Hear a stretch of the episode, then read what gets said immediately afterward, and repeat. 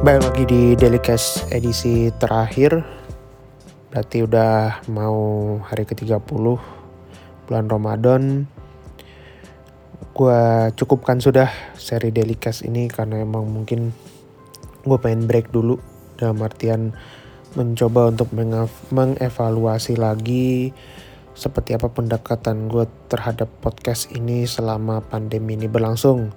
Mengingat ya apa ya setelah kita lihat tadi di Twitter bahwa BWF resmi meluncurkan kalender baru turnamen-turnamen untuk sisa tahun ini yang akan dimulai bulan Agustus sampai akhir tahun. Artinya nyaris atlet-atlet itu akan full non-stop untuk bertanding begitu.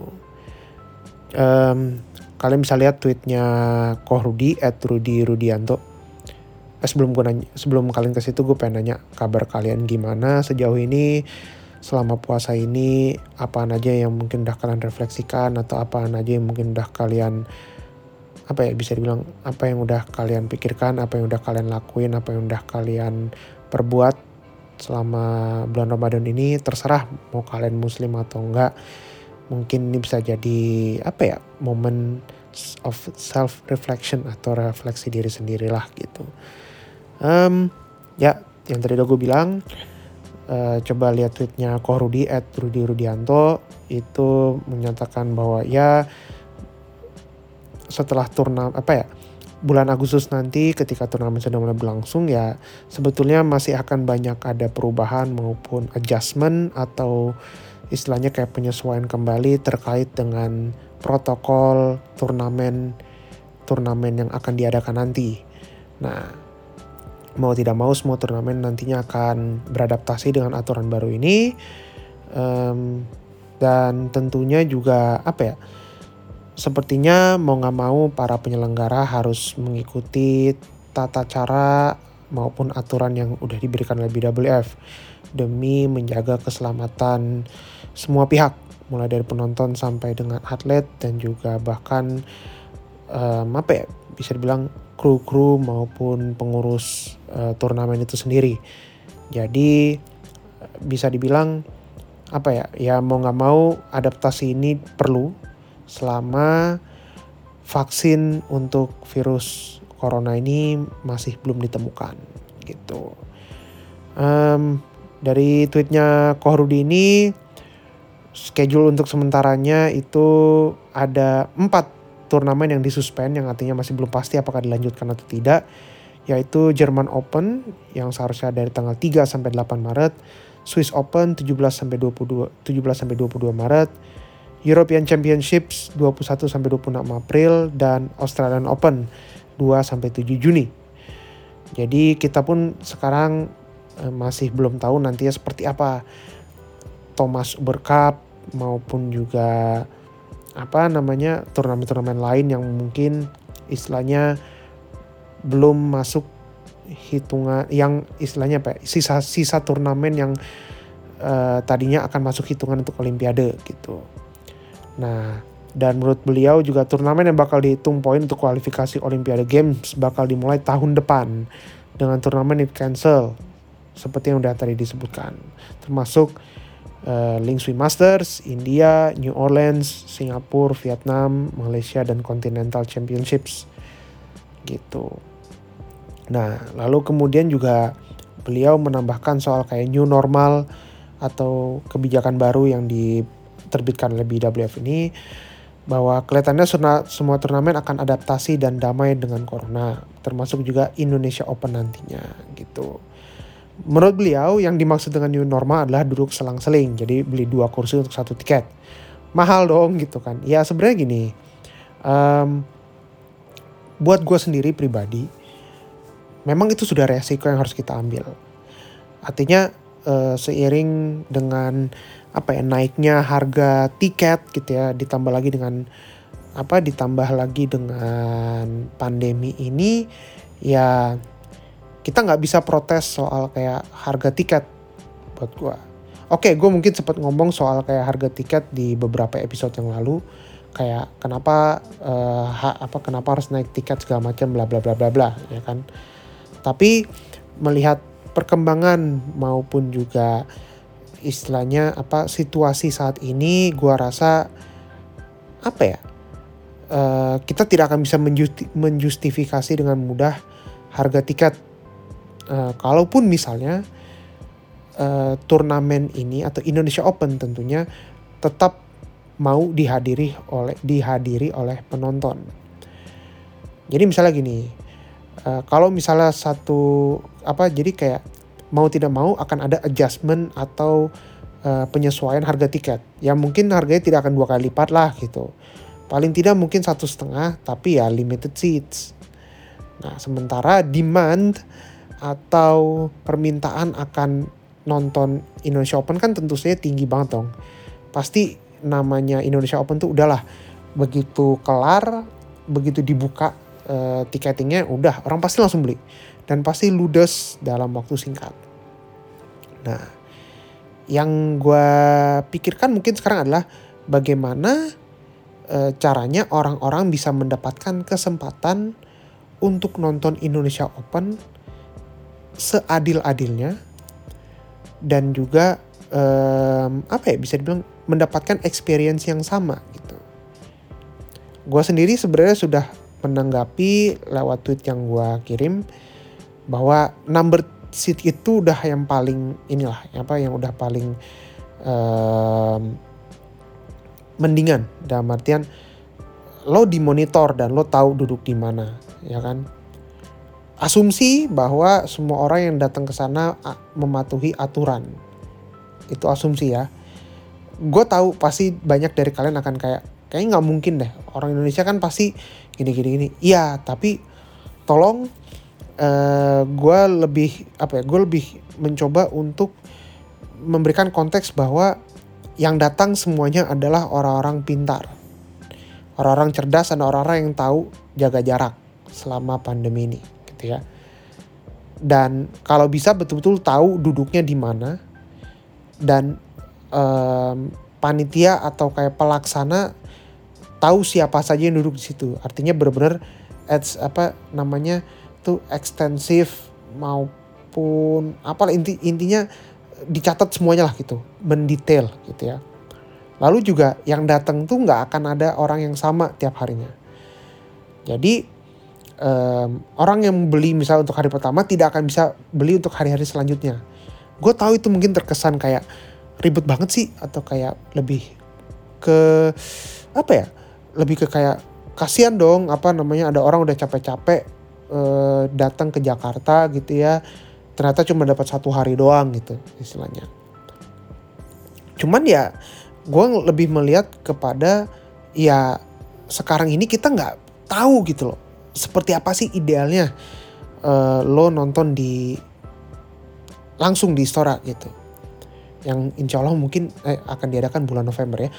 Um, serba nggak pasti gitu loh. Jadi kayak um, apa ya mungkin dari dari hari pertama sampai perempat final itu istilahnya kayak open apa ya kayak mungkin sistem tiketingnya tuh terbuka. Artinya siapa saja bisa beli. Dan lo boleh milih hari apa gitu. Gue tahu di sini pasti akan ada semacam kayak loophole. Yang artinya kayak oh iya gue bisa refresh IP menggunakan data yang beda. Terus apalah gitu segala macam. Pasti ada orang yang bisa mengecahkan loophole ini gitu ya. Tapi paling tidak lo da, paling apa paling tidak lu punya precaution lain gitu. Ya kan? Kayak bener-bener dat lu satu KTP satu nomor HP satu alamat kalau perlu alamat rumah gitu ya. Bahkan kalau perlu satu foto sekalian biometrik betul-betul kayak apa namanya lu dimonitor apakah lu pernah datang hari ini atau enggak gitu. Kau puluh semuanya begitu ribet memang tapi ya biar adil aja gitu lu apa lu kasih kesempatan buat yang lain istilahnya. Lu berempati sedikit dengan orang-orang yang belum dapat kesempatan untuk nonton gitu ya kan. Nah um, bar apa jadi kayak emang betul-betul di ini betul-betul memberikan kesempatan untuk semua orang bisa nonton gitu. Lalu untuk semifinal dan final um, karena gue yakin pasti demandnya lebih tinggi lagi dibanding hari-hari sebelumnya ya maka ya diadain undian gitu. Sama mengikat. Satu nomor HP, satu alamat, satu KTP, satu foto kalau perlu. Supaya betul-betul tiket yang sampai di penonton itu tepat sasaran gitu. Artinya lo sudah pasti bisa nonton, lo sanggup, lo apa namanya istilahnya kayak lo tahu bahwa uh, lo nggak bisa mencalonkan tiket ini, otherwise lo melanggar aturan begitu. Mau nggak mau.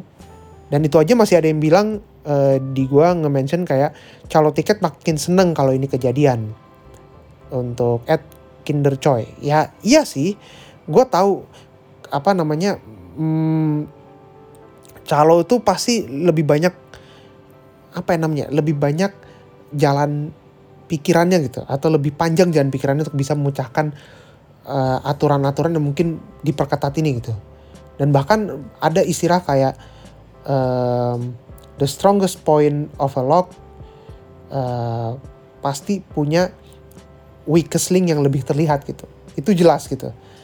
Tapi ya gue sebagai penonton, sebagai penggemar, badminton tuh sebenarnya lebih kayak mencoba untuk sebisa mungkin berempati dan memberikan kesempatan yang lain supaya bisa nonton juga gitu. Kayak tolonglah di masa-masa pandemi ini ya kita nggak usah mikirin dulu soal kayak wah gue cuma bisa nonton hari ini nih gitu. Gue pengen lagi nonton. Ya lo tahu semua orang juga berpikiran seperti itu.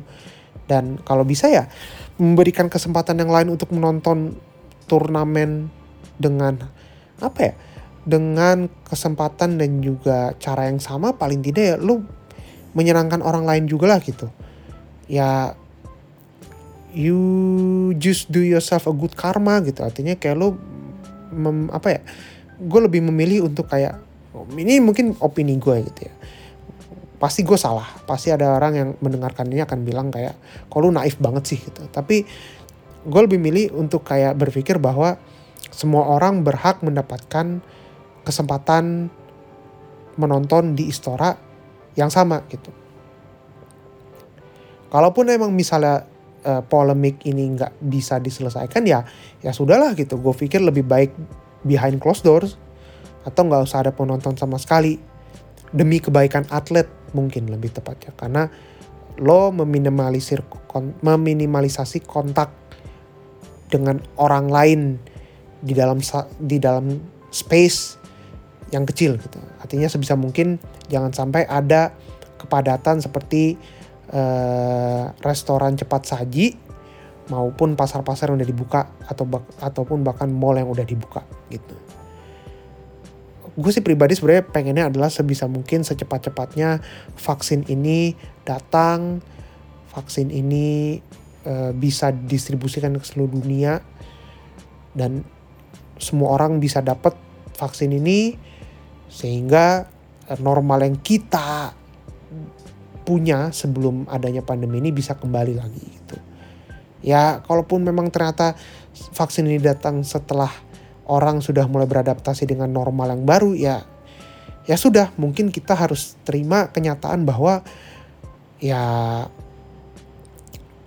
untuk sekarang ini kita apa ya boleh dibilang mencoba hidup dengan damai dalam artian ya menerima bahwa virus corona ini memang akan ada seperti halnya Spanish flu atau apa pun apalah itu ya. Dalam artian ya sudah dia akan coexist hidup berdampingan dengan kita gitu. Bukan berarti tandanya kita uh, apa ya seenaknya ya gitu maksud gue. Ya, lo sebagai manusia ya sudah tau lah manusia pintar gue yakin yang dengerin podcast ini juga pasti berpikiran bahwa ya kita sebagai manusia harus tahu batasan dan juga tahu apa nah tahu diri lah gitu bahwa ya mungkin inilah normal yang baru mungkin ini juga yang apa namanya kita sebagai apa ya kita sebagai manusia juga paling tidak tahu diri lah gitu um, apa namanya dengan adanya virus corona ini ya lo jaga diri sendiri dan juga jaga untuk tidak meluarkan orang lain gitu oke uh, sepertinya ini menjadi Daily Cash edisi terakhir di bulan Ramadan ini. Mungkin gak akan ada tulisan day 27 sampai day 30, mungkin akan menjadi Daily Cash last episode. sebelum kembali ke episode yang normal mingguan. Thank you yang sudah mau mendengarkan Daily Cash selama satu bulan ini.